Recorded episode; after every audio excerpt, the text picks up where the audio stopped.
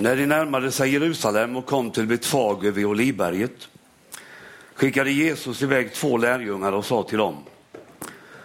Gå bort till byn där framme så hittar ni genast ett åsnesto som står bundet med ett föl bredvid sig. Ta dem och led hit dem. Om någon säger något ska ni svara, Herren behöver dem. Men han ska strax skicka tillbaka dem. Detta hände för att det som sagts genom profeten skulle uppfyllas. Säg till dotter Sion, se din konung kommer till dig, ödmjukt och ridande på en åsna, på ett föl, ett lastdjurs föl. Lärjungarna gick bort och gjorde så som Jesus hade sagt åt dem. De hämtade åsnan och fölet och lade sina mantlar på dem och han satt upp. Många i folkmassan bredde ut sina mantlar på vägen. Andra skar kvistar från träden och strödde den på vägen. Och folket, både de som gick före och de som följde efter, ropade Hosianna, Davids son. Välsignade han som kommer i Herrens namn. Hosianna i höjden. Amen. Varsågoda och sitt.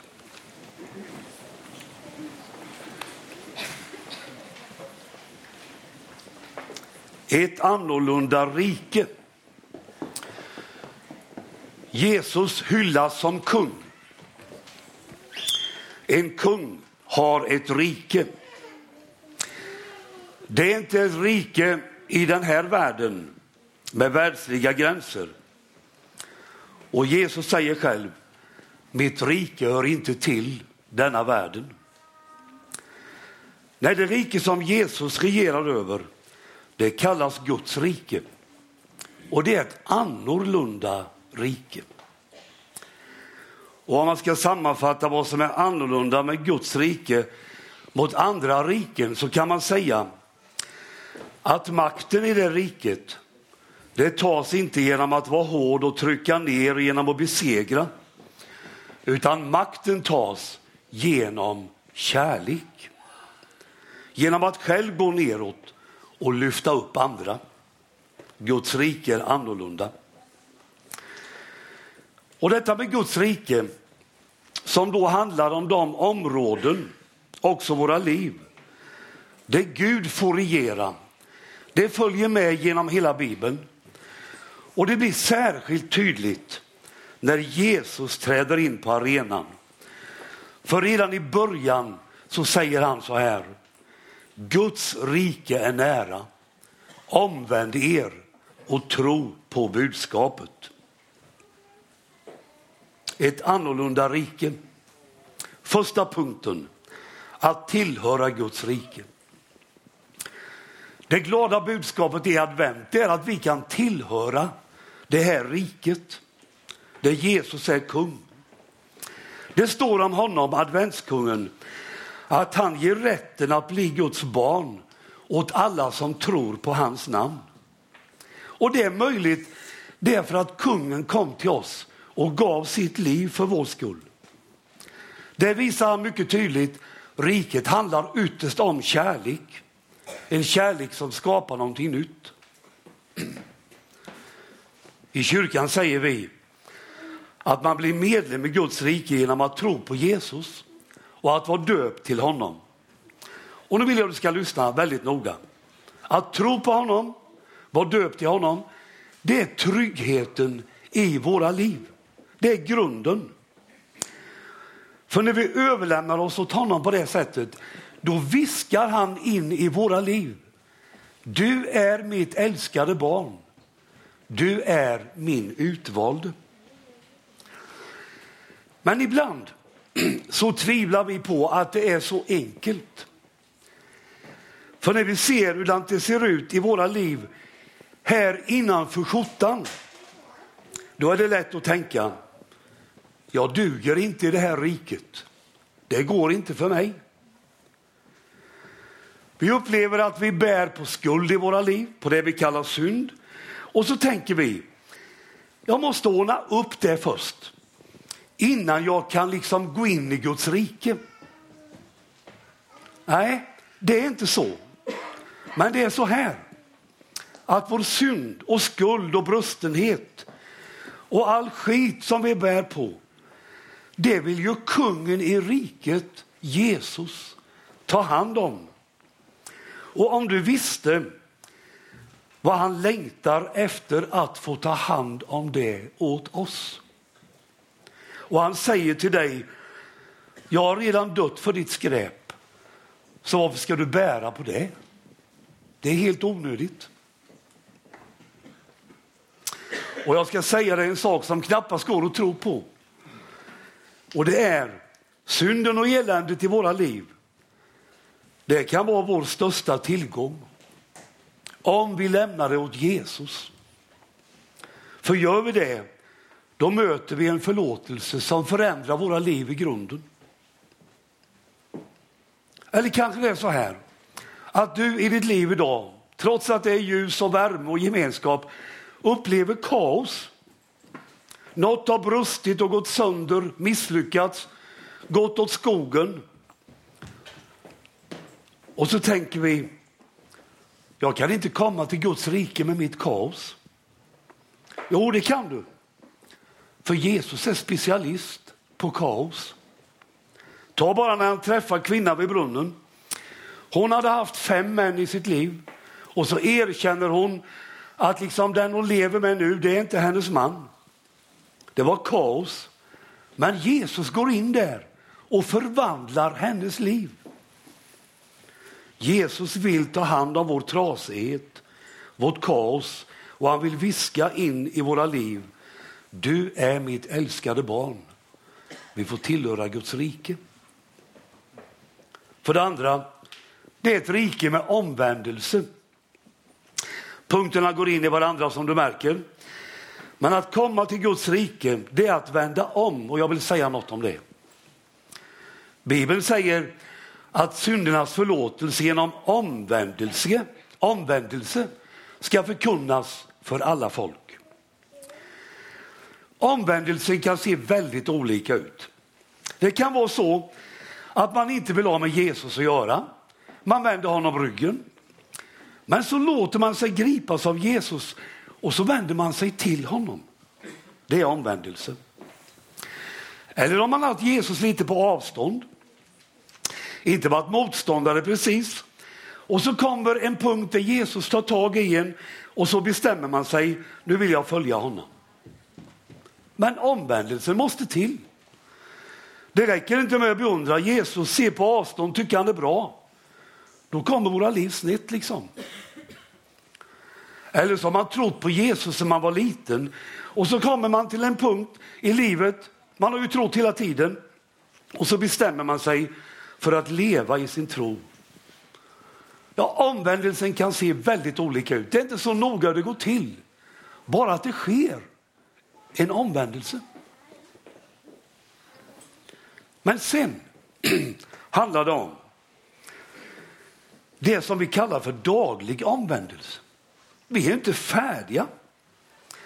Även om vi har grundtryggheten i våra liv så kan vi inte slå oss till ro riktigt. Jesus talar om att varje dag ta på korset och följa honom. Det handlar om att varje morgon på nytt vända sig till Gud och överlämna sitt liv och sin dag åt honom. För hur vi än vänder och vrider på våra liv så finns det alltid saker som vi måste vända oss bort ifrån. Inte minst vår egoism, det som kretsar runt oss själva och vända oss till Jesus. Guds rike behöver vi omvända oss varje dag. Och så är det annorlunda riket för det tredje. Ett rike med välsignelser. Om vi enkelt ska förklara Guds välsignelse så handlar det om Guds godhet mot oss. I det ögonblick Jesus lämnar den här jorden och far tillbaka till himlen så står det att han lyfter sina händer och så välsignar han. Det betyder att han har alltid sin välsignelse och sina händer och sin godhet över oss. Och när vi ber välsignelsen i gudstjänsten, då ber vi in Guds godhet i vår gemenskap.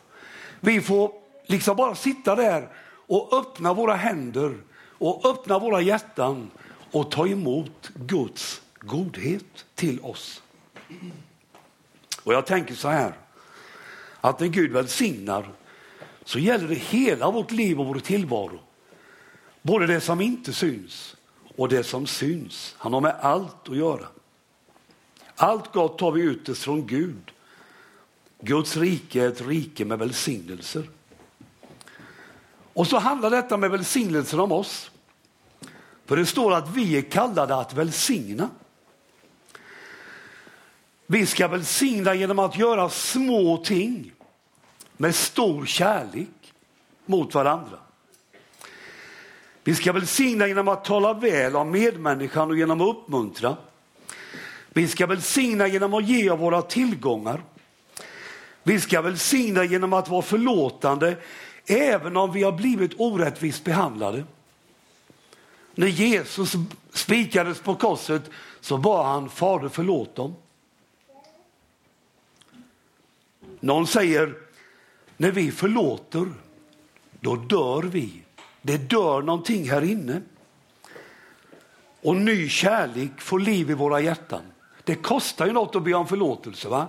Det dör någonting här inne, men det växer fram någonting annat. Ja, vi har fått så mycket godhet och välsignelse från Gud så det kan vi aldrig mäta. Och denna välsignelse och godhet är vi kallade att ge vidare åt andra. Ge som gåva vad ni har fått som gåva, säger Jesus till oss. Och så en fjärde och sista punkt. Sök först Guds rike. Sök det annorlunda riket. Det är Jesus som säger det i bergspredikan. Sök först, lägg märke till det. Det måste betyda att Gud ska ha prioritet ett i våra liv. Det har med första budet att göra. Att inte ha någon annan Gud bredvid den levande guden. När Hans Weissbrott var här på bibelhelg förra helgen så talade han lite om detta. Och han sa att första budet, att inte ha någon annan bredvid Gud, det betyder egentligen att ingenting får komma emellan oss och Gud. Det handlar första budet om. Att söka det annorlunda riket, Guds rike först. Alltså det handlar ju om precis allt i våra liv. Alltså Jesus har ju inte bara med en frommare del av våra liv att göra, utan med hela våra liv. Det innebär att söka Guds rike. Det innebär att söka vad han vill med våra arbeten. Vad vill Gud med våra äktenskap? Vad vill Gud med barnen i familjen och de ska ledas? Vad vill Gud med våra hem? Vad vill Gud med mitt bilbyte? Vad vill Gud med mina pengar? Vad vill Gud med min semester? Vad vill han med mitt gudstjänst och andaktsliv? Min tjänst i församlingskroppen? Hur ska jag behandla tiggarna? Hur mycket ska jag satsa på julklappar? Hur dignande ska julbordet vara i år? Och så vidare och så vidare. Att söka Guds rike först handlar om precis allt i våra liv. Och det gäller, lyssna, att komma åt skatten, det viktiga, det som består. Och innerst inne, hörni, så vet vi att skatten och meningen finner vi när Guds rike får vara nummer ett. Det vet vi innerst inne. Sen ber jag dig lägga märke till ordet sök. Sök först Guds rike. Det måste betyda att vi inte är färdiga. Vi är aldrig färdiga. Utan så länge vi lever här så har vi att söka och söka och söka Guds rike. Söka det mer och mer så att det mer och mer får inflytande över det som vi sysslar med och mer och mer får inflytande över hela vårt liv. Och detta sökande, det sker utifrån det vi sa i början, att vi tillhör Guds rike. Det är grunden. Och om vi summerar nu, när vi har Jesus, då är vi medlemmar i det annorlunda riket, Guds rike. Och vi behöver inte vara färdiga när vi kommer dit. Det får gärna vara kaos och elände i vårt liv. Vi får komma ändå och få förlåtelse och upprättelse. Och det är utifrån den positionen, den grunden, som Gud formar oss när vi mer och mer söker honom och hans annorlunda rike. Herre, helga oss genom sanningen. Ditt ord är sanning. Amen.